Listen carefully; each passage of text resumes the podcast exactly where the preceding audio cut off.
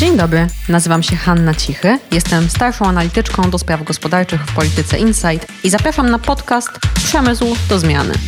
W ośmiodcinkowej serii będę śledzić ewolucję przemysłową. Moimi rozmówcami będą praktycy i teoretycy, osoby doświadczające zachodzących w przemyśle zmian i te, które projektują i wprowadzają te zmiany. Przyjrzymy się, jak na krajobraz przemysłowy wpływa polityka klimatyczna, geopolityczne przetasowania, postęp technologiczny i zmieniające się potrzeby konsumentów. Partnerem serii jest Siemens Polska.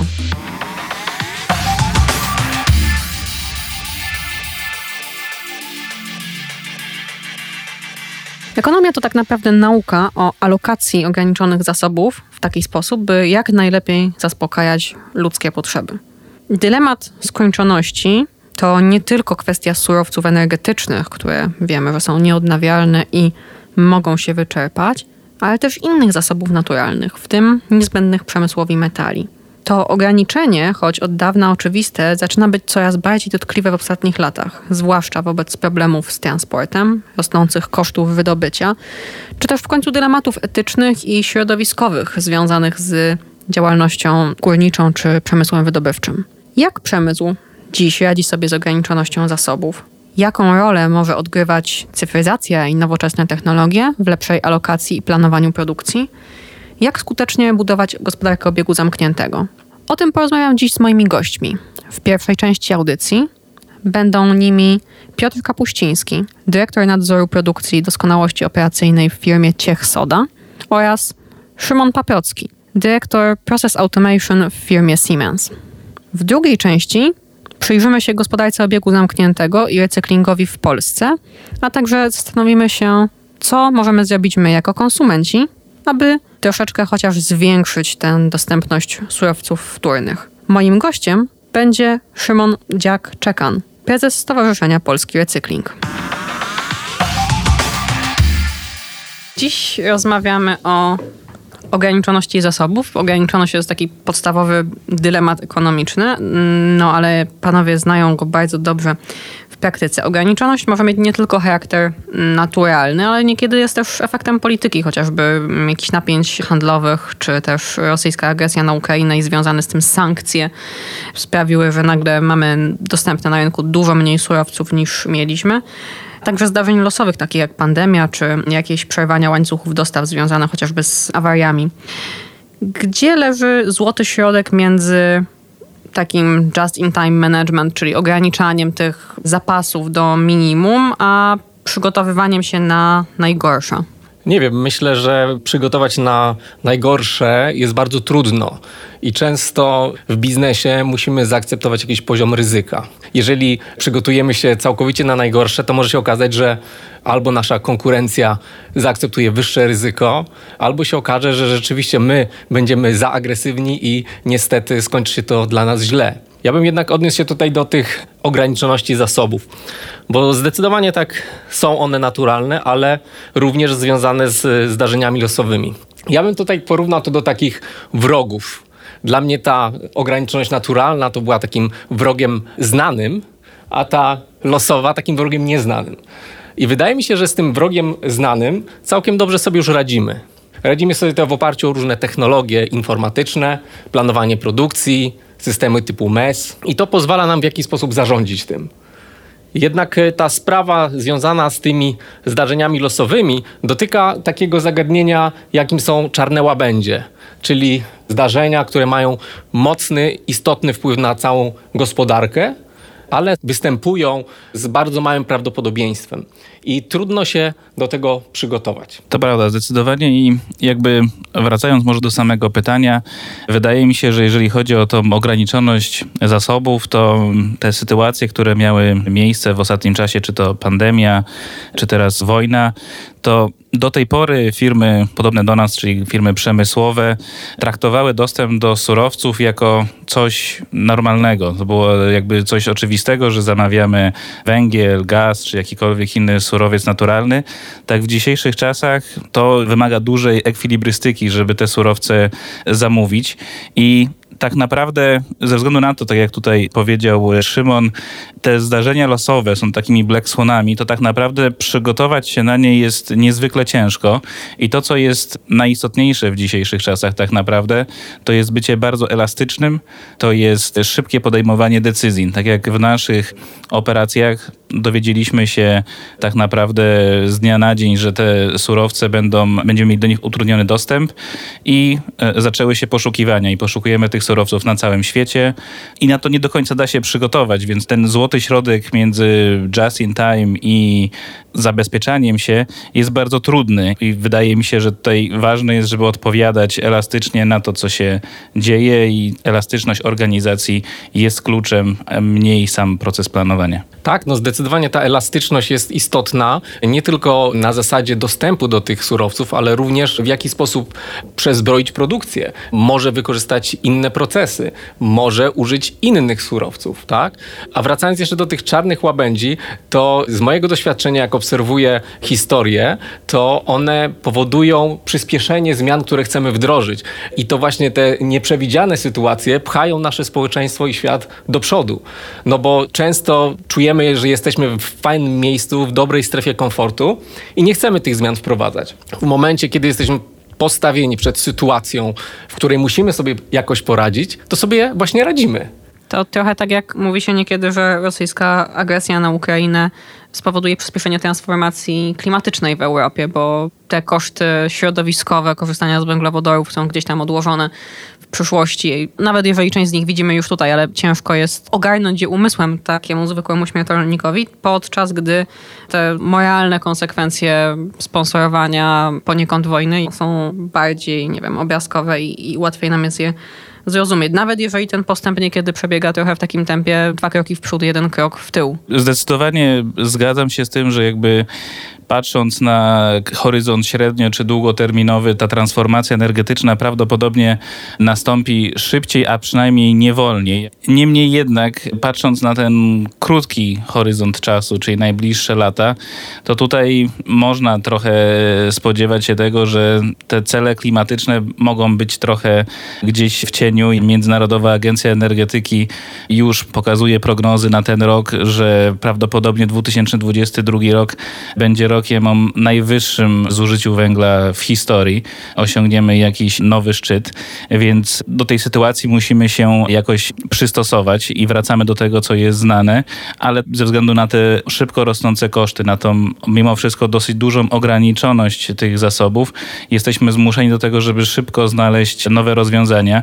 I teraz, kiedy jako cały świat będziemy pracować nad tym, żeby z tym problemem sobie poradzić, to istnieje duże prawdopodobieństwo, że te technologie, o których już dzisiaj zaczynamy mówić, po prostu pojawią się wcześniej i pomogą rozwiązać te problemy. No właśnie, pan reprezentuje branżę chemiczną, która jest bardzo mocno, no jako cały sektor uzależniona przede wszystkim od gazu.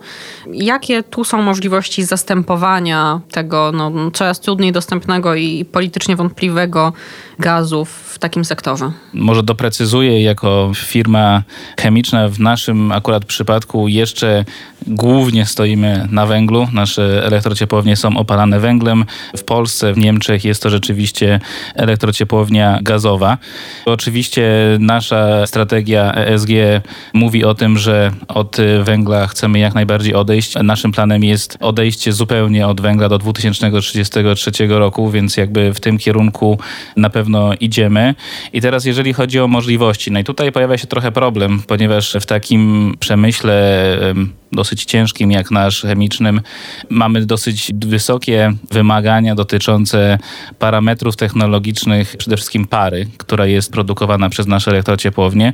To powoduje, że dzisiaj dostępne zielone energie nie są do końca dopasowane, więc my jako przemysł tak naprawdę trochę spoglądamy z nadzieją na SMR-y, na, na małe reaktory. Tutaj jako grupa działamy w tym kierunku, żeby ta technologia się pojawiła jak najszybciej Tutaj mamy podpisane odpowiednie listy intencyjne, więc to jest na pewno jeden z tych kierunków, na który bardzo mocno patrzymy, a dodatkowo takie przejściowe technologie, no to jest mimo wszystko y, jest nim gaz i jakby oczywiście jest on wątpliwie ekologiczny, ale on jest dostępny już dzisiaj, jest przetestowany i już dzisiaj pozwala mocno ograniczyć emisję versus ten węgiel a dodatkowo mamy projekty w zakresie wykorzystania biomasy czy instalacji termicznego przetwarzania odpadów. Mieliśmy rozmawiać o skończoności zasobów, ale też o cyfryzacji i automatyzacji. Jak cyfryzacja może pomagać w mądrym planowaniu, zarządzaniu produkcją i z jednej strony właśnie ograniczaniu zużycia zasobów, z drugiej strony zabezpieczania się przed tymi niewiadomymi, w tym zerwaniem jakichś ciągłości dostaw. Jeśli chodzi o cyfryzację, to zdecydowanie ona pomaga w wszystkich elementach zarówno projektowania, budowania przemysłu, fabryk, jak również ich eksploatacji.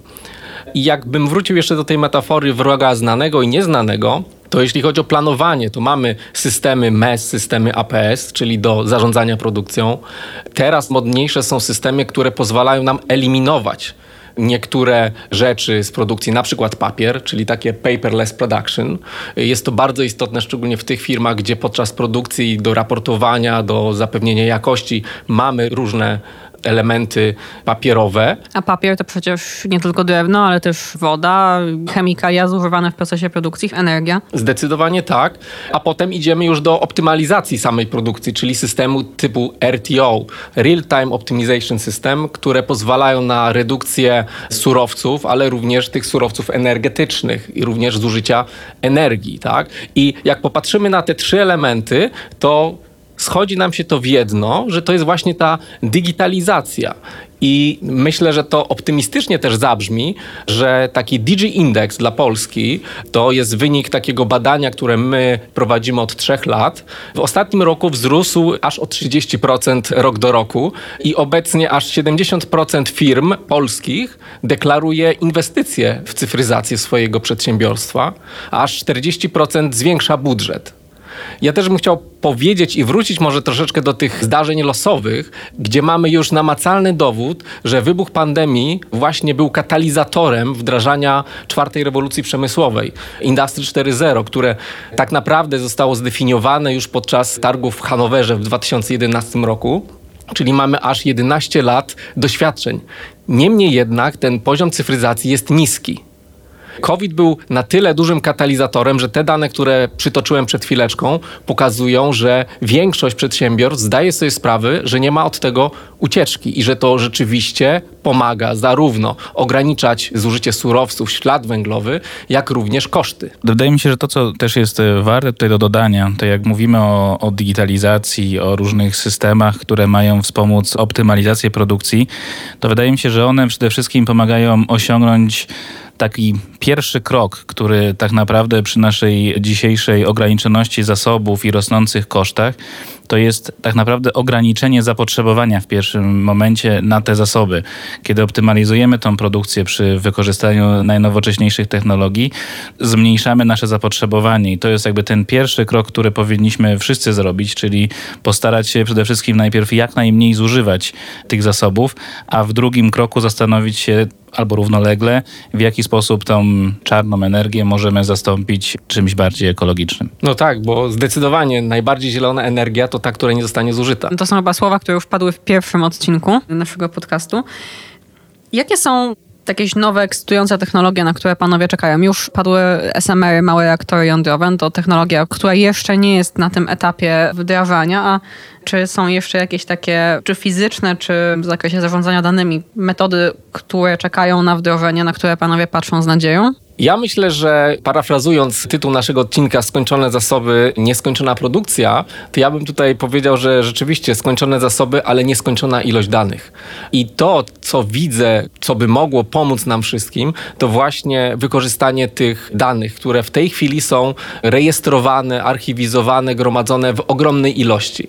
Aktualnie nie wykorzystujemy ich. Mam tutaj na myśli wykorzystanie ich poprzez właśnie modelowanie, symulacje czy użycie sztucznej inteligencji inteligencji po to, aby serwis, utrzymanie ruchu w fabrykach robić predykcyjnie, żeby wcześniej wykrywać anomalie produkcyjne, aby nie marnować nie tylko energii do produkcji, ale również, żeby nie marnować tych surowców bo z drugiej strony wydaje mi się, że mamy tych surowców w tej chwili tyle, że gdybyśmy też umieli je odzyskać, to nie trzeba było już nic wydobywać. I tutaj chyba będziemy zmierzać w kierunku właśnie tej gospodarki cyrkularnej, czyli GOZ-u. Tak jak, tak jak pani powiedziała, oczywiście jako przemysł chemiczny czekamy na te SMR-y, ale tak jak tutaj Szymon wspomina, niezwykle istotne jest to ponowne wykorzystanie surowców czy zasobów i to są zdecydowanie technologie, na które czekamy albo które już dzisiaj są na różnym etapie badań i rozwoju. Chcemy jak najwięcej ponownie wykorzystywać surowców w naszych produktach, wykorzystywanie ekologicznych zamienników. To są jakby technologie, które poszukujemy i teraz jakby ciężko oczywiście tutaj podać przykłady konkretnych technologii, na które czekamy, bo pewno wielu nie zdajemy sobie sprawy na dzień dzisiejszy, jakie to będą, ale na pewno są to z obszaru ponownego wykorzystania zasobów, plus dalszy tak naprawdę rozwój tych zaawansowanych metod analizy danych i wykorzystania, bo tak jak Szymon powiedział, tych danych jest nieskończona ilość. W naszych zakładach mamy dziesiątki tysięcy urządzeń pomiarowych, które mierzą proces co sekundę, więc nie sztuką jest dostać tą informację, sztuką jest w odpowiedni sposób je wykorzystać, tak żeby pomogło w bardziej oszczędnym zarządzaniu tą produkcją. No właśnie, to też trochę kwestia skończoności zasobów wiedzy. Kiedyś wydawało nam się, że wielu problemów nie jesteśmy w stanie rozwiązać z różnych dziedzin życia, bo czegoś jeszcze nie wiemy, a teraz wiemy bardzo dużo, tylko problemem jest, jak z tej wiedzy wyciągać wnioski, szukać jakiejś tej igły w stogu siana, w stogu tych danych. Wspomnieli panowie o gospodarce obiegu zamkniętego. Na czym to polega? Gdzie jesteśmy w jej budowaniu? Jakie są największe bariery? No wydaje mi się, że tutaj znowu trzeba by powiedzieć, że jest bardzo różnie. Bardzo różnie w różnych krajach, bardzo różnie w różnych branżach. Więc jeżeli popatrzymy na takie twarde dane, no to zdecydowanie w Polsce nie jest za dobrze. Jesteśmy za średnią unijną. Ten wskaźnik cyrkulacji wynosi 9,8%. To jest dość nisko. W Unii prawie 12%. Siemens no, rzeczywiście jest kojarzony i to bardzo dobrze z dostawcą technologii, tych nowoczesnych technologii, przekazywania wiedzy. Niemniej jednak chciałbym zwrócić uwagę, że my też jesteśmy producentem. Mamy własne fabryki i bardzo dużą wagę przywiązujemy właśnie do gospodarki cyklu y, zamkniętego i staramy się tak projektować nasze urządzenia, aby prawie wszystko dało się ponownie wykorzystać, żeby mówiąc tak już kolokwialnie, nic nie trafiało na wysypiska. Mamy bardzo ambitne cele w tym zakresie i my chcemy już do 2030 roku mieć zeroemisyjność własną. Także to jest ambitny cel, jednak możliwy i właśnie w oparciu o nowe technologie, ale przede wszystkim o projektowanie w odpowiedni sposób, chcemy ten cel osiągnąć. Zgodzę się z Szymonem, że jako Polska nie wyglądamy jeszcze najlepiej. I to, co wydaje mi się jest dosyć ciekawe, jest to, że jakby świadomość Polaków na temat gospodarki obiegu zamkniętego nie jest najgorsza. I teoretycznie w ankietach wypowiadamy się, że ta ekologia jest dla nas bardzo ważna, że powinniśmy o to dbać. A to są uroki badań ankietowych. Mało kto ma konstrukcję psychiczną taką, że powie, że czegoś nie wie, albo czegoś nie robi, albo się czymś nie interesuje. To prawda. No i potem jak widać, te deklaracje nie znajdują odzwierciedlenia w rzeczywistości, co widać po wspomnianym wskaźniku, ale zaczyna być widać w biznesie, w przemyśle, mimo wszystko taki push w kierunku ekologii. Zarówno klienci oczekują coraz bardziej ekologicznych produktów, potem nasi klienci, którzy są najczęściej producentami, chcą, żebyśmy my pomagali im te oczekiwania spełniać. Później mamy banki, które dają finansowanie na te wszystkie nowe technologie, na, na prowadzenie biznesu i tak jak kiedyś liczyły się tylko twarde dane finansowe, jaki było, nie wiem, wskaźnik zadłużenia do zysku, tak dzisiaj bardzo istotnymi elementami są również wskaźniki emisji i na tej podstawie decydują o tym, czy finansowanie przyznać, czy też nie. Więc ta cała transformacja już przestaje być wyborem, a tak naprawdę staje się obowiązkiem każdej firmy i te firmy, które dzisiaj trochę bagatelizują sprawę, mogą w przyszłości spotkać się z dużymi problemami. Wspominał Pan, że kiedyś głównym czynnikiem decydującym była kalkulacja ekonomiczna, dzisiaj zieloność jest równa niższym kosztom przecież w tej sytuacji dramatycznie rosnących cen surowców energetycznych. Ten, kto ma więcej zielonej energii, ma po prostu tańszą tą energię, już nie mówiąc o tym, że często stabilniejszą czy pewniejszą. Rozmawialiśmy o zasobach naturalnych, tym co najpierw nam się kojarzy jako zasobach, rozmawialiśmy o zasobach danych, a jest jeszcze jeden bardzo ważny czynnik produkcji, którego też w coraz większym stopniu dotyczy dylemat ograniczoności. I tym czynnikiem jest praca. No i tutaj chyba jest największy potencjał dla nowych technologii, dla automatyzacji, żeby pozwolić przedsiębiorcom jakoś uciec do przodu przed tym dylematem demograficznym, który mamy, czyli coraz mniejszym zasobem siły roboczej. Zdecydowanie tak. I ja bym tutaj jeszcze dodał, że to ta ograniczoność dotyczy nie tylko ilości, ale przede wszystkim kompetencji, bo tak jak my również zatrudniamy pracowników, mierzymy się z dużym wyzwaniem pozyskania ludzi o odpowiednich kompetencjach. Myślę, że nie tylko my, ale cały przemysł widzi to i też dostrzegane to jest na kręgach politycznych, stąd te kierunki zamawiane, stąd chęć szkolenia właśnie inżynierów.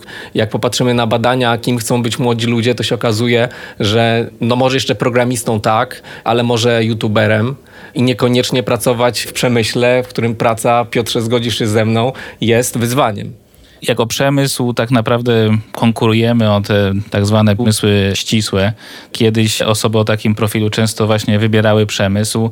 Tak dzisiaj dużo bardziej atrakcyjnym kierunkiem wydaje się informatyka, bycie programistą, pracowanie zdalne z każdego miejsca na ziemi. Więc to stawia niewątpliwie duże wyzwanie, żeby te osoby przyciągnąć. Więc tak jak powiedział Szymon, jednym problemem jest, albo tak jak pani powiedziała, jest liczba. Drugim problemem jest również jakość, czy jakby stopień wykwalifikowania tej kadry. No i tutaj rzeczywiście jest duża nadzieja pokładana w tych nowych technologiach, żeby być może nie w pełni wykwalifikowanego pracownika uposażyć w te narzędzia, żeby był w stanie wykonywać często bardzo skomplikowane zadania. Rozumiem, że mówisz tutaj o rozszerzonej rzeczywistości, czasami wirtualnej. Tak, mam tutaj na myśli rozszerzoną rzeczywistość. To już brzmi bardzo jak science fiction, to ja poproszę więcej na ten temat. to może Szymon jako ekspert. Rzeczywiście, jeśli chodzi o rozszerzoną i wirtualną rzeczywistość, to nie jest już żaden science fiction. To są technologie, które są dostępne dziś i są wdrożone w wielu zakładach. Jeśli chodzi o systemy, platformy do zarządzania produkcją, utrzymaniem ruchu, systemy, które podpowiadają, jakie decyzje powinien podjąć operator, czy człowiek, który idzie naprawić konkretną maszynę na produkcji, to to już jest rzeczywistość. I w wielu fabrykach wdrożyliśmy takie systemy i one działają, można je zobaczyć. Ja myślę, że tutaj coraz dalej można iść, myśleć już o jakimś metaversie.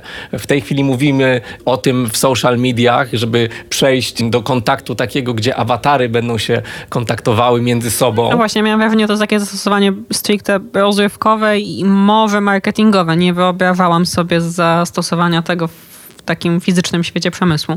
Tak, rzeczywiście w tej chwili takiego metaversu z awatarami jeszcze nie mamy, ale cyfrowego bliźniaka, który w 100% odpowiada istniejącej instalacji tylko w świecie wirtualnym, jak najbardziej mamy. I mamy wdrożone projekty, które w świecie wirtualnym pokazują wszystkie elementy produkcyjne. Za pomocą cyfrowego bliźniaka można przeprowadzić symulację produkcji, ją optymalizować.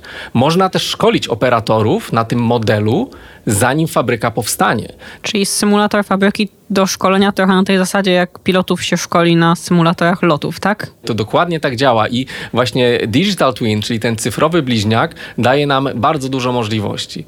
Ja upatruję też y, ten metaverse, o którym mówiliśmy, jako przyszłość, gdzie będziemy mieli niewielu ekspertów, którzy mogą być zlokalizowani w różnych częściach globu. I oni, ale tak naprawdę ich awatary, będą mogły wejść do takiego digital twina i pooglądać, co się dzieje w danej fabryce, pomimo, że są na drugim końcu świata i pomóc zoptymalizować czy rozwiązać problem. I to będzie pomagało Państwu no, na przykład w dostępie do jakichś specjalistów o, o bardzo unikalnych kwalifikacjach, którzy akurat przypadkiem są w Indiach, w Ameryce czy gdziekolwiek indziej. Albo jest ich po prostu mało i nie mają czasu podróżować, a mało tego, mamy jeszcze emisję CO2. Latanie samolotem nie jest eko. No albo po prostu właśnie lepsze wykorzystanie czasu tych osób. Wydaje mi się, że tutaj w zakresie tego wsparcia pracowników te technologie są kluczowe, bo to z jednej strony jest ten cyfrowy bliźniak, czy ta rozszerzona rzeczywistość, która pozwala osobie na miejscu widzieć więcej niż gołym okiem. Są systemy, które połączone z systemami pomiarowymi pokazują w okularach, jaka jest temperatura urządzenia w danym miejscu. Mamy instrukcję, całą dokumentację w tych okularach, która podpowiada, jak podejść do naprawy jakiegoś jakiegoś urządzenia. Czyli po prostu zwiększa bezpieczeństwo takiego pracownika. Zwiększa bezpieczeństwo i jakby umożliwia wykonanie mu tych niezbędnych czynności. I to, co też jest ważne w tych cyfrowych bliźniakach, symulatorach procesu, to jest kiedy mówimy o procesie automatyzacji też tej produkcji, to jakby oczywiście w idealnym świecie ten automat prowadzi tą produkcję zawsze i wszędzie i nigdy się nie psuje, ale niestety rzeczywistość jest taka, że na produkcjach są przestoje, są awarie i w tych momentach operator musi przejąć kontrolę nad instalacją, a automat już przestaje prowadzić i wtedy niezbędne są te symulatory do tego, żeby utrzymać tak naprawdę umiejętności czy kompetencje tego operatora, bo w momencie, kiedy on w ciągu roku przez jeden dzień tak naprawdę steruje tą produkcją, to najnormalniej w świecie może o tym zapomnieć, a te symulatory pozwalają utrzymać ale również zbudować kompetencje nowych pracowników, przyspieszyć ich onboarding, ponieważ nie muszą czekać na wydarzenie się tych sytuacji w rzeczywistości, które zdarzają się raz na rok, raz na dwa lata. Tylko w symulatorze możemy to zasymulować sobie na żądanie i przećwiczyć zachowanie w takiej sytuacji wielokrotnie aż do perfekcji. A to wszystko, o czym panowie mówią, to jak sobie wyobrażam, że jest możliwe do zastosowania w takiej wielkiej skali produkcji. E, czy w jakiś sposób z tych nowinek mogą też korzystać mniejsze firmy, czy to po prostu nie kalkuluje się? Rzeczywiście, jak rozmawiamy z firmami i szczególnie tymi mniejszymi i średnimi, to barierą we wdrożeniu digitalizacji są właśnie czynniki finansowe. Tylko w wielu produkcjach w tej chwili nie mówimy o tym, czy będzie szybki z inwestycji, tylko czy ta produkcja będzie działała. Bo jeżeli nie będziemy mieli tych pracowników, a technologia nie będzie wspierała pozyskiwania innych pracowników, to może się okazać, że to nie jest wybór, czy mi się opłaca, tylko czy będę produkował, czy nie będę produkował. Więc myślę, że digitalizacja przyspieszy jeszcze bardziej. Mówiąc o ograniczoności i surowców, i energii, i pracowników, to ja osobiście oceniam to jako jedyną drogę. Więc myślę, że pojawią się też programy, które będą to stymulowały. Niemniej jednak, jeżeli popatrzymy na projekty digitalizacyjne, to zwrot z inwestycji z nich jest bardzo szybki. W zależności od projektu, myślę, że to jest nawet 6 miesięcy, a w niektórych projektach 12 miesięcy, no do dwóch lat maksymalnie. No to taki horyzont, który właśnie jednak firmy uwzględniają. Tak. Nie jest to jakieś bardzo oddalone w czasie z naszego doświadczenia mm, te udane projekty digitalizacji zwracały się bardzo szybko, niektóre nawet szybciej niż 6 miesięcy, ale powiedziałem właśnie udane, bo to jest to, co jest jeszcze kluczowe w tych najnowocześniejszych technologiach, jest to, że te projekty są obarczone jednak dosyć dużym ryzykiem. I tutaj nawiązując do Pani pytania o te mniejsze firmy, tutaj ich skłonność do inwestycji w digitalizację jest niższa ze względu na to ryzyko. Duże firmy często mają większe budżety, mogą pozwolić sobie na to, że coś się może nie udać jakiś projekt digitalizacji może się nie udać. W przypadku mniejszych firm to pole na pomyłkę jest mniejsze, więc tak jak powiedział Szymon, te firmy muszą się digitalizować, muszą rozwijać, ale pewno skłonność do tych najbardziej nowatorskich rozwiązań jest mniejsze niż do tych, które są już sprawdzone i wytestowane przez, przez większe no, firmy. Zawsze najlepiej jest się uczyć na cudzych błędach. Odnosząc się do tego, my jako dostawca technologii tych digitalizacyjnych, powiem, że najpierw testujemy na sobie. I te wszystkie nowinki digitalizacyjne są zastosowane w naszych fabrykach i dopiero jak przejdziemy te wszystkie błędy wieku dziecięcego, to dopiero wtedy tą technologię oferujemy naszym klientom. I też jesteśmy nastawieni bardzo na współpracę z polskimi firmami inżynierskimi i chcemy budować ten model digitalizacyjny i wdrażanie digitalizacji przy pomocy mniejszych firm. Dzięki temu na pewno koszty wdrożenia ulegną obniżeniu, a po drugie będziemy mieli wielu specjalistów, na rynku, które będą mogli wspierać e, zarówno i większe, jak i mniejsze firmy. Ja myślę, że największą trudnością, tak bym to nazwał, we wdrażaniu digitalizacji jest interdyscyplinarność, bo wdrożenie projektu digitalizacyjnego musi obejmować wiele aspektów. I to nie tylko jest kwestia nowego urządzenia, które kupimy, ale zmiany całego procesu, jak również nastawienia ludzi, którzy pracują w fabrykach. Niektórzy ludzie odbierają te projekty jako wręcz zagrożenie dla ich miejsca pracy. Więc aby taki projekt się udał, trzeba zaadresować wiele potrzeb, nie tylko tych technicznych, ale również ludzkich. I aby to nam wyszło i to ryzyko, o którym mówił Piotr tutaj, zminimalizować, dobrze się przygotować do takiego projektu poprzez współpracę z ekspertami, którzy już mają takie doświadczenie i zacząć od przygotowania jakiejś mapy drogowej, wdrażania takiego rozwiązania. Wdrażanie nowych technologii to tak naprawdę właśnie jest przede wszystkim praca z ludźmi. Tak jak wdrażamy u nas różne projekty automatyzacji produkcji, to wdrożenie samego systemu, dopracowanie go zajmuje kilka miesięcy, ale tak naprawdę najtrudniejsze i najbardziej czasochłonne jest przekonanie do tego ludzi, bo na koniec dnia ta automatyzacja wbrew pozorom nie zastępuje tych ludzi. Ta automatyzacja wspiera ich i zmienia trochę ich rolę. Zmienia się ta rola w przypadku automatyzacji z osoby wykonującej daną czynność do osoby nadzorującą tak naprawdę tą czynność, czy ten system działa zgodnie z tym, jak jest to pożądane.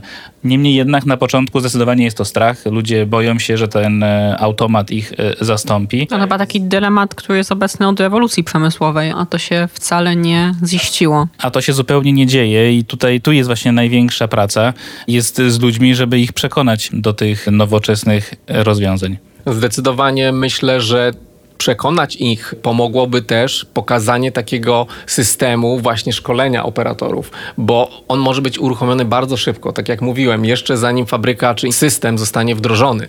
I w momencie, kiedy oni będą mogli zobaczyć to na własne oczy, a nie tylko słuchać, to rzeczywiście może pomóc ich przekonać. Więc systemy OTS, czyli Operator Training System, oparte na cyfrowym bliźniaku, mogą pokazać ludziom, pozwolić dotknąć tego, w jaki sposób zmieni się ich praca i jak zobaczą, że ta praca dalej jest potrzebna, a jest łatwiejsza i przyjemniejsza, nie wspominając już o efektach biznesowych, pomoże z sukcesem wdrożyć digitalizację. Zasoby, z których produkujemy, z pewnością są skończone zasoby naturalne, ale możliwości wykorzystania nowych technologii do tego, aby produkować bardziej efektywnie, bezpieczniej i z mniejszym śladem środowiskowym wydają się nieskończone.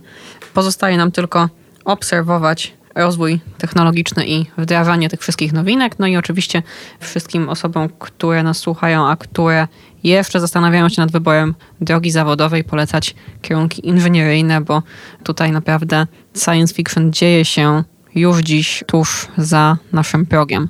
Dziękuję panu bardzo. Dziękuję. Dziękuję. Wiemy już, jaka jest perspektywa przemysłu, jak ograniczać zużycie zasobów, a teraz zastanówmy się nad tym, jaka jest szansa na zwiększenie powtórnego wykorzystania zasobów w warunkach polskich, również w świetle nadchodzących zmian regulacyjnych. Mogłoby się wydawać, że takim najprostszym sposobem na rozwiązanie problemu ograniczoności zasobów jest po prostu ich powtórne wykorzystywanie. No ale mimo to jakoś na masową skalę to się chyba nie dzieje. Jaka jest w tej chwili skala recyklingu w Polsce? Czy ona jest zróżnicowana, jeżeli chodzi o różne materiały i jakie są ograniczenia dla powtórnego wykorzystania surowców w polskim przemyśle, w polskiej gospodarce? Żeby spojrzeć tak obiektywnie na gospodarkę odpadami w Polsce, i na kwestię recyklingu, to warto trochę historycznie spojrzeć, gdzie jeszcze byliśmy kilkanaście lat temu. Bo w zasadzie jeszcze pod koniec lat 90. prawie 100% odpadów komunalnych było deponowane na wysypiskach. I później z roku na rok coraz więcej tych odpadów żeśmy odzyskiwali, ale też jako społeczeństwo po wejściu do Unii Europejskiej w 2004 roku coraz więcej tych odpadów generowaliśmy. To znaczy, że przykładowo w 2010 roku, czyli 12 lat temu, średnio jeden mieszkaniec rocznie generował 250 kg odpadów komunalnych rocznie. 10 lat później było już to 350 kg. I w zasadzie z, z roku na rok rośnie, a do średniej unijnej, czyli 500 kg rocznie brakuje nam jeszcze zaledwie sto kilkadziesiąt kilo. No mam nadzieję, że to nie jest wskaźnik unijny, który zamierzamy ścigać tak jak ścigamy inne. No tutaj właśnie musimy mieć świadomość tego, że czasem te bardziej zamożne gospodarki więcej zużywają produktów czy opakowań, w związku z tym, że po prostu większe środki mają do wydania w swoich budżetach. I wracając do pytania, na jakim jesteśmy teraz etapie, na pewno idziemy do przodu. Z roku na rok coraz więcej odpadów jest przetwarzanych. Jest oczywiście wiele barier, natomiast na ten moment, jeśli chodzi o te główne frakcje, czyli tworzywa sztuczne, papier, makulatura i szkło, to w Polsce recyklingujemy około 3 miliony ton. Natomiast jeśli chodzi o całość wszystkich odpadów komunalnych w Polsce, dane z 2020 to było 13 milionów ton. Połowa tych odpadów jest zebrana selektywnie.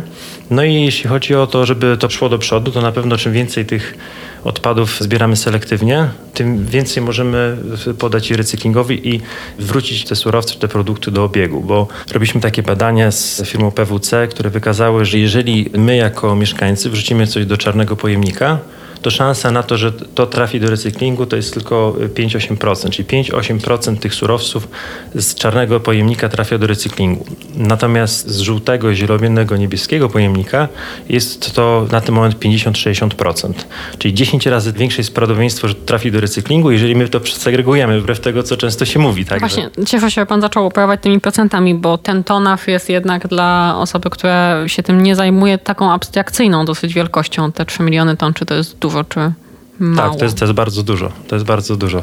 To są tysiące ciężarówek surowców gotowych, które są ponownie sprzedawane w sklepach i trafiają na rynek. Jest takie pojęcie, często się wykorzystuje też w kontekście szeroko rozumianej polityki klimatycznej, budowa gospodarki obiegu zamkniętego.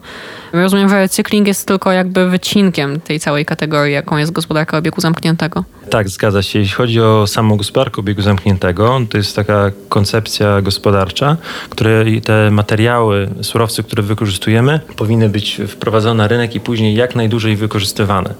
Tak naprawdę można spojrzeć na to jeszcze szerzej, to znaczy, że jest cała tak zwana hierarchia postępowania z odpadami. Najwyżej w tej hierarchii jest ograniczanie powstawania odpadów, więc my jako mieszkańcy, jeżeli chcemy zrobić coś dla środowiska, to najlepiej jest w ogóle unikać używania opakowań. A jeżeli już używamy opakowania. No, oczywiście nie da się zupełnie unikać, chociażby w przypadku produktów spożywczych czy takiej chemii domowej. Tak, ale już teraz już w sklepach widać, że na przykład jeśli chodzi o warzywa czy owoce, to są sprzedawane takie siatki wielokrotnego użytku i to jest bardzo dobre rozwiązanie. Sama korzystam, jestem bardzo zła na siebie za każdym razem, jeżeli zapomnę. Czyli najpierw jest to ograniczanie powstawania odpadów. Najlepiej możemy się przyczynić do ochrony środowiska w ten sposób, że ograniczamy powstawanie odpadu, bo naprawdę zużywanie opakowań, których czasami to jest kwestia 30 sekund, czy minuty, czy kilku minut wyrzucamy na śmieci coś, co później jest naprawdę dużo pracy kosztuje i też środków, żeby to z powrotem trafiło do obiegu. Chyba też trochę w tą sprawę angażują się producenci, którzy myślą o tym, jak projektują te opakowania, bo jedną z takich kwestii jest y, to, z jakiego materiału to opakowanie jest zrobione i najgorszą rzeczą są te opakowania wielomateriałowe, czy generalnie odpady wielomateriałowe, które się trudno przetwarzą. Rzeczywiście, czym bardziej skomplikowane jest opakowanie, tym trudniej się przetwarza. I teraz chciałbym wrócić do, do początku naszej rozmowy, w której powiedziałem, że z tego żółtego pojemnika recyklinguje się około połowy odpadów. To można by się zastanowić, to co się dzieje z całą resztą, tak? Jeszcze kolejna połowa, czyli jeżeli w pojemniku wyrzucamy 20 kilo, a 10 kilo nie trafia do recyklingu. Dlaczego?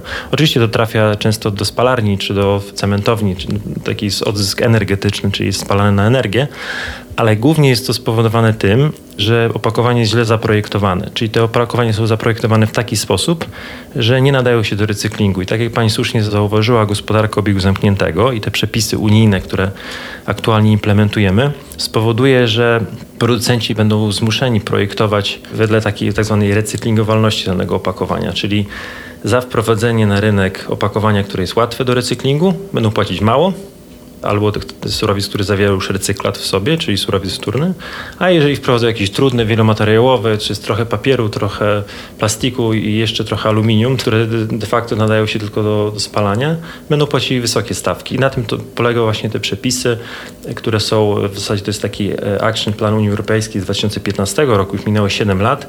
I teraz my jeszcze mamy, tak naprawdę już nie mamy czasu, bo Ministerstwo Klimatu i Środowiska miało czas do zeszłego roku, do zeszłego lipca, żeby te przepisy zaimplementować Mamy ponadroczne opóźnienie. No i oczywiście jako my jako branża w recyklingu liczymy na to, że te przepisy zostaną wprowadzone, bo to jest bardzo duże utrudnienie na ten moment. No zaraz wrócimy do przepisów, a jeszcze tak może, żeby trochę to unaocznić naszym słuchaczom, to czy może pan podać jakiś przykład takiego popularnego, ale źle zaprojektowanego opakowania, które właśnie jest trudne w odzysku? Nie mówię tutaj o majce, tylko jakby o rodzaju produktu. To znaczy tak, jeśli chodzi o recykling, to warto pamiętać, że czym większa jest masa danego produktu czy opakowania, tym łatwiej jest podać je recyklingowi. Można sobie wyobrazić, w jaki sposób ten proces wygląda. Wkładamy coś do tego żółtego pojemnika, następnie firma zbierająca to odbiera i to wchodzi na taką taśmę sortowniczą. Jest to albo automatyczna, albo ręcznie.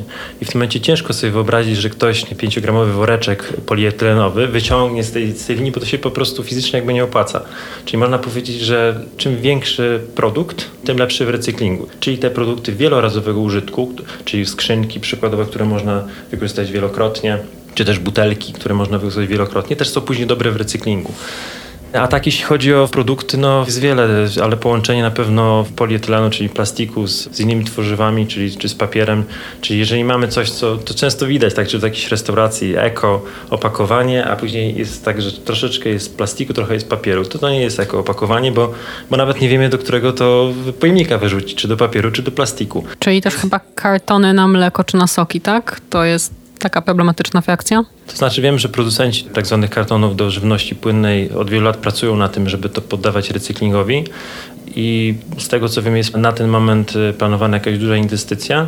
Natomiast z mojej perspektywy jest bardziej tak zwany downcycling, a nie y, recycling. Z butelki robimy następnie znowu butelkę, to jest recykling, ale jeżeli z butelki zrobimy jakiś inny produkt, na przykład ławkę czy jakąś doniczkę, to to już jest tak zwany downcycling, czy ten surowiec już jest trochę gorszej jakości. To jest bardzo skomplikowane, dlatego że jeśli chodzi o kartony, to na ten moment rzeczywiście poziom recyklingu zwiększa się, ale jeszcze nie jest taki, jak powinno być i nie można z powrotem tych samych kartonów wyprodukować z tych kartonów. Ale z drugiej strony jest branżą mleczarską, która powiedziała, że dla nich to jest po prostu świetne rozwiązanie, dlatego że można wtedy w kartony wkładać mleko w tym okresie, gdzie jest największy pobór mleka od krów w tym tetrapaku to później przez 6 miesięcy może utrzymać świeżość, a nie tak jak kiedyś, jak kupowaliśmy mleko w szklarze, to było 3 dni i się psuło. Więc myślę, że to tak bardziej kompleksowo trzeba na to patrzeć, żeby nie marnotrawić żywności. Bo największy też plus opakowań jest taki, że rzeczywiście one coś, co może mm, trzymać świeżość kilka dni, a w opakowaniu może trzymać kilka miesięcy. Więc gdzieś tam musi być ten balans pomiędzy tym, co jest szkodliwe ze względu na opakowanie, a co jest szkodliwe ze względu na marnotrawienie żywności. A tak jak pani pewnie ma świadomość, no w Polsce marnotrawimy mnóstwo, to jest 20-30%, czyli praktycznie jedna piąta, jedna czwarta żywności jest utylizowana. A to bardzo dużo zasobów jest w związku z tym marnowanych, bo i woda, i nawozy, i opakowania, i ta energia potrzebna do najpierw chłodzenia tego, potem przewiezienia więc faktycznie, to może wróćmy w takim razie do tej warstwy regulacyjnej, bo w zasadzie o tym chciałam z Panem dzisiaj porozmawiać. E, wkrótce, chyba już wkrótce, ma zostać wprowadzony w Polsce powszechny system kaucyjny. To powinno skłonić nas, konsumentów, do właśnie uważniejszego oglądania tych opakowań, odnoszenia ich do punktów odbioru. Jak to ma wyglądać? Czy ta regulacja faktycznie spowoduje jakąś taką ewolucję w naszych zachowaniach? Na pewno środowiskowo to jest olbrzymia rewolucja, bo w tym momencie, jeżeli patrzymy nawet na butelki PET, to w Polsce odzyskujemy połowę butelek PET. Może źle, nawet źle określiłem się, nie odzyskujemy, podajemy recyklingowi, bo do odzysku też dolicza się in, inny rodzaj odzysku. Czyli w Polsce wprowadzamy rocznie około 220 tysięcy ton butelek PET. Odzyskiwane jest połowa, czyli ponad 100 tysięcy ton. A w Niemczech, gdzie funkcjonuje system kaucyjny, jest odzyskiwane 98% butelek, które wchodzą na rynek. To jest bardzo dobry wynik. Tak, to jest fenomenalny wynik. To znaczy, że, że można sobie wyobrazić, że wprowadzenie systemu kaucyjnego spowoduje to, że, że już nikt z nas nie zobaczy butelki PET leżącej w lesie czy na jakimś polu. No tak, to, to jest podwójna korzyść, bo nie tylko wykorzystujemy ten materiał, ale ograniczamy też to tak, wręcz ludzie nieprzyjemne będą, zanieczyszczenie. Tak, wręcz ludzie będą się bili o te butelki, nie wiem, z koszu na śmieci wyciągały po to, żeby odnosić to do sklepów. Na razie ministerstwo nie określiło, bo to dopiero w rozporządzeniu będzie, ile ta kaucja będzie wynosiła. No ale możemy sobie wyobrazić, że jeżeli ta kaucja będzie na, przykład 50 groszy, no to zaniesienie do sklepu 5 butelek to będzie 5 zł. To, to już jest duża kwota. Więc na pewno to spowoduje to, że te butelki wrócą do obiegu. I też kolejny plus takiego systemu, jest to, że ten odpad jest później czysty, czyli ten surowiec wtórny, bo jeżeli wyrzucimy butelkę do naszych odpadów takich w pojemniku, no to tam może być jakiś olej, różne rzeczy inne, które są w tym pojemniku, ale jeżeli to wraca bezpośrednio do sklepu, to jest to czysty odpad, który można porównać tak naprawdę z surowcem pierwotnym, z którego później bardzo łatwo jest wykonać z powrotem butelkę, czyli tak zwana idea battle to battle, czyli żeby z butelki zrobić butelkę z powrotem. No i chyba jest szansa, że te zachowania też się zmienią. Jeżeli przyjrzymy się doświadczeniom z wprowadzenia opłat za torebki foliowe, to najpierw były jakieś takie sztuczki z gramaturą tych torebek i ich wielkością, ale chyba jednak liczby tutaj wskazują, że ta nawet symboliczna opłata sprawiła, że większość konsumentów myśli o tym i chodzi z własnymi torbami. Tak. No tutaj duże zastrzeżenie, bo my jako branża recyklingu mamy do tego, że słynna opłata recyklingowa funkcjonuje w ten sposób, że nawet złotówka z tej opłaty nie idzie na recykling, tylko idzie do budżetu państwa, ale to już jest kwestia taka, że mam nadzieję, że przy kolejnych przepisach rozszerzonej odpowiedzialności producenta, te środki od producentów na przetwarzanie i recykling pójdą właśnie na gospodarkę odpadami, na ochronę środowiska, a nie do budżetu państwa. A z tego systemu kaucyjnego też nie będą Państwo czerpać żadnych korzyści, poza oczywiście dostępem do, do, do materiału. Dla nas jako dla branży to jest to, tak jak Pani słusznie zauważyła, strumień odpadu. Dla nas najważniejszy jest strumień odpadu, czyli coś, co dla ludzi jest problemem, czy jest wręcz śmieciem, to dla nas jest surowcem. I też może warto powiedzieć o cenach i też o tym, co się dzieje aktualnie w związku z tym kryzysem surowcowym. Rozmawiała Pani wcześniej z przedstawicielem biznesu na ten temat, że ceny surowców są bardzo wysokie i też mobilizują przemysł do wykorzystywania recyklatów, bo musimy pamiętać, że te odpady, te śmieci to jest tak naprawdę nasz zasób. To jest 13 milionów ton różnych surowców, które możemy wykorzystać. Jedna tona butelki PET 2-3 lata temu kosztowała 1500 zł, a po wybuchu wojny na Ukrainie poszybowała na 8 tysięcy. Gigantyczny skok. Tak, to znaczy, że mówimy, że jedna ciężarówka sprasowanych butelek, która wyjeżdża z zakładu MPO, to nagle miała wartość 150-200 tysięcy złotych za odpad. Więc system kaucyjny pokazuje też nam jako mieszkańcom, że to tak naprawdę to nie jest odpad, to jest surowiec wtórny, to jest surowiec do produkcji, który jeszcze nas uniezależnia od importu. A też warto powiedzieć, że jeśli chodzi o właśnie tworzywa sztuczne, one są wykonane głównie z ropy naftowej, którą musimy importować, bo wcześniej to było też ze wschodu, ale oczywiście też z krajów arabskich. A tutaj możemy produkować z tego, co sami wytworzymy. No na pewno zapewnia to też większą stabilność dostaw, a to jest bardzo ważna rzecz, na którą przemysł się teraz martwi. Najpierw trzeba segregować. To... No ale mówi pan o tych butelkach PET. Ja rozumiem, że na razie trochę dzielimy skórę na niedźwiedziu, bo ta ustawa jeszcze nie przyjęła swojego ostatecznego kształtu. Tam trwają różnego rodzaju przepychanki i procesy nad tą regulacją. Ale jak pan liczy, jakie jeszcze opakowania wejdą do tego systemu kaucyjnego w pierwszym okresie? Wygląda na to, że, że wszystkie trzy frakcje główne, czyli tworzywa sztuczne, szkło i aluminium wejdą do systemu kaucyjnego. Natomiast no jeszcze to okaże się, tak, bo jeżeli nawet projekt wychodzi z Ministerstwa Klimatu i Środowiska, to on idzie pod obrady Sejmu i później na komisjach sejmowych posłowie decydują, jaki kształt nadać już końcowy tej ustawie. Na pewno duża dyskusja była, jeśli chodzi o tak zwane małpki szklane, bo to są opakowania szklane, które bardzo zanieczyszczają przestrzeń. Tak, to jest coś, co niestety bardzo często widujemy na przystankach autobusowych. Miałem okazję być na komisji sejmowej kilka tygodni temu, gdzie któryś z posłów powiedział, że pamięta jak wprowadzali ustawę w latach, no już tam wiele lat temu w związku z tymi małpkami, i to była jakaś komisja w sprawie trzeźwości, że stwierdzili, że jak będą sprzedawali mniejsze opakowania, czyli wódkę w mniejszych mm. opakowaniach, to że ludzie będą mniej pili. A tak naprawdę efekt był odwrotny. Odwrotny bo, bo ludzie, zamierzonego Bo ludzie bo, bo w tym momencie, żeby spożyć wódkę, wystarczy 12-14 zł i później małpki zostają na ulicach. I tutaj rzeczywiście największa kontrowersja była taka, że czy wprowadzać, czy nie, bo z tego co słyszałem, no też część przemysłu no nie chciała, bo to są małe opakowania i teraz wprowadzić je kaucyjnie, to spowoduje, że będzie obniżenie też konsumpcji tych małpek. I rentowności produkcji. Tak, rentowności produkcji, ale fakt jest taki, że z naszej perspektywy to my popieramy dodanie tych małych opakowań też do systemu kaucyjnego, nawet jeżeli tych opakowań będzie mniej generowanych, bo to też jest cel środowiskowy. No to wiemy już mniej więcej skąd i w jakiej proporcji branża recyklingowa czerpie surowce wtórne, a kto je od państwa kupuje? Jak to wygląda, jeżeli chodzi o popyt, czy faktycznie to, o czym Pan mówił, czyli zmiany cen, między innymi w okresie wojny, zmieniły coś w tym popycie? Czy firmy chętnie korzystają z tych surowców z odzysku, czy mają jakieś zastrzeżenia do nich? Trzeba się jeszcze wcześniej trochę cofnąć, to znaczy do COVID-u. W 2020 roku już wtedy surowce bardzo podrożały i rzeczywiście od tamtego momentu widać zwiększony popyt na recyklaty. Chcielibyśmy, żeby ten trend pozostał, bo już widzimy delikatne załamanie w związku z tym, że ceny surowców spadają. No i dlatego też tutaj usilnie cały czas pracujemy nad tym, żeby były te tak zwane obowiązkowe wykorzystanie tego recyklatu, bo w tym momencie jesteśmy bardzo uzależnieni od tego, co się dzieje na świecie. Tak? Jeżeli surowce są drogie, to wszyscy się rzucają na surowce z recyklingu, a jak surowce są tanie, to nikt nie chce od nas kupować. A po to właśnie Unia Europejska wyszła z propozycjami tak zwanego mm, obowiązkowego wykorzystania recyklatu, czyli żeby w każdym opakowaniu było 30% surowca z recyklingu, bo to w tym momencie wygeneruje popyt, że firmy będą musiały wykorzystywać ten recyklat, bo jeżeli nie, to będą obciążone jakimiś dodatkowymi kosztami. Ale popyt na surowce z recyklingu jest bardzo duży. Też myślę, że każdy z nas zauważa, że z roku na rok jest tego coraz więcej. Tak? Coraz więcej jest reklam. Koncerny, firmy zaczynają się chwalić tym, że dodają surowca z recyklingu. No e, tak, ale niekiedy to jest tak, że ta reklama mówi, że o, ta butelka jest z recyklingu, a potem biorę butelkę do ręki i tam jest napisane 5% surowca pochodzi z recyklingu, albo tylko nakrętka jest z recyklingu. No i to już jest trochę smutne. No tak, zgadza się, bo to znaczy, jeśli chodzi o sam CSR, no to musimy pamiętać, że w jaki sposób działają korporacje, to znaczy, że one mają sprzedać i zarobić na swoich produktach.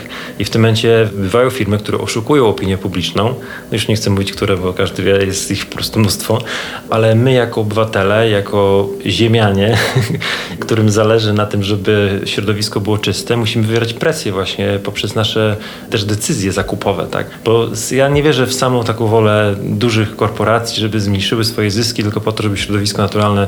No oczywiście to jest piękna idea, ale często, jak, jak widać, y, to jest bardzo powierzchowne, tak jak pani wspomniała. No, na koniec dnia też korporacja produkuje dla klienta, więc to trochę klient też decyduje o tym, co chce kupować, na co zwraca Dlatego uwagę. Dlatego na samym końcu my o tym decydujemy i nasz głos jest słyszalny i ważny też dla producentów.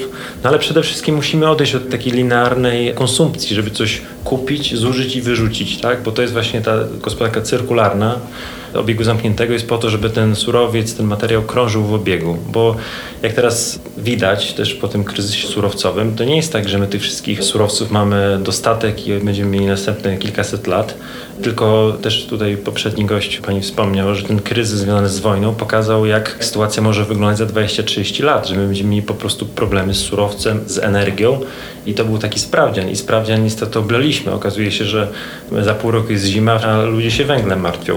Więc po prostu będzie rewers i to jest też smutne, że ta transformacja ekologiczna dosyć wolno się posuwa, przez co no jest ryzyko takie, że zaraz będziemy mieli znowu większy smog. Rocznie kilkadziesiąt tysięcy w Polsce osób przedwcześnie umiera w związku z właśnie zanieczyszczeniem środowiska, a, a z drugiej strony też rozumiem ludzi, że chcą ogrzeć swoje domostwa, swoje domy, bo to jest kluczowe, żeby móc funkcjonować.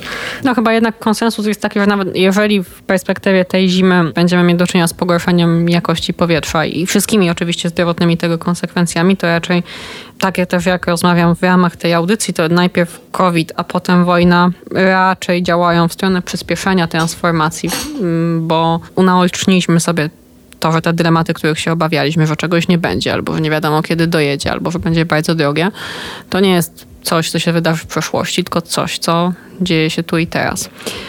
No to jeszcze, skoro Pan podkreślił tą rolę konsumentów, to prosiłabym o parę jakichś sugestii dla naszych słuchaczy. Co możemy robić jako konsumenci? Na co zwracać uwagę, wybierając na przykład między podobnymi produktami, ale w różnych opakowaniach, czy segregując te odpady? Najpierw mówimy o zapobieganiu, czyli jeżeli mamy coś wydrukować, to lepiej tego nie drukować, lepiej mieć to po prostu na monitorze. Jeżeli już wydrukujemy, to dobrze, jeżeli kupujemy kartki z recyklingu. One troszeczkę są bardziej szare czasami, ale z drugiej strony mam pewność, że one już z drugiego obiegu, z jakichś gazet i tak dalej naprawdę, żebyśmy nie rozprzestrzeniali tych fake newsów, że recykling w Polsce jest fikcją, bo naprawdę miliony ton w Polsce przetwarzane są na gotowe produkty. Nasze stowarzyszenie zrobiło jakiś czas temu listę produktów z recyklingu i znalazło się tam ponad 100 różnych produktów, od folii budowlanych, worków na śmieci, krzeseł, AGD, surowców też do branży samochodowej. To naprawdę są setki, nawet tysiące produktów, ale my musimy pomóc w ten sposób, że te odpady przesegregujemy,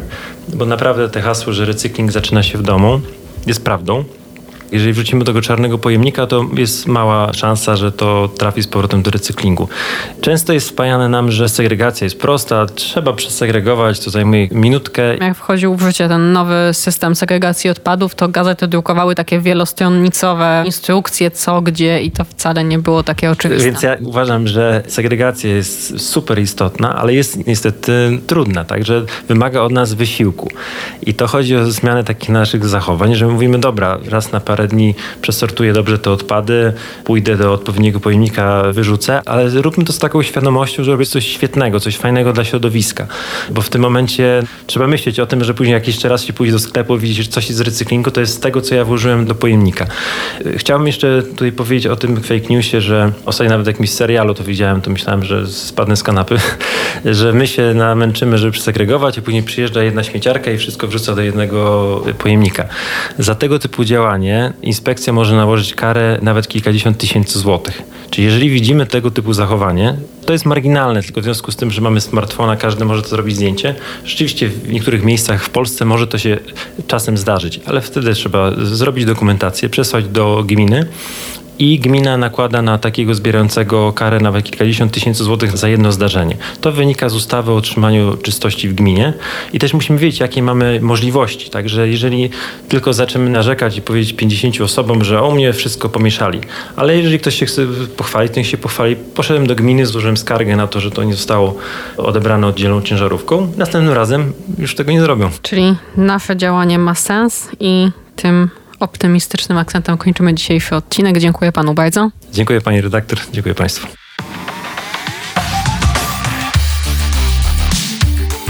Na dziś to wszystko. Posłuchajcie kolejnych odcinków Przemysłu do Zmiany, a także pozostałych naszych audycji, które dostępne są w większości serwisów podcastowych. W pole wyszukiwania wpiszcie po prostu Polityka Insight. Do usłyszenia.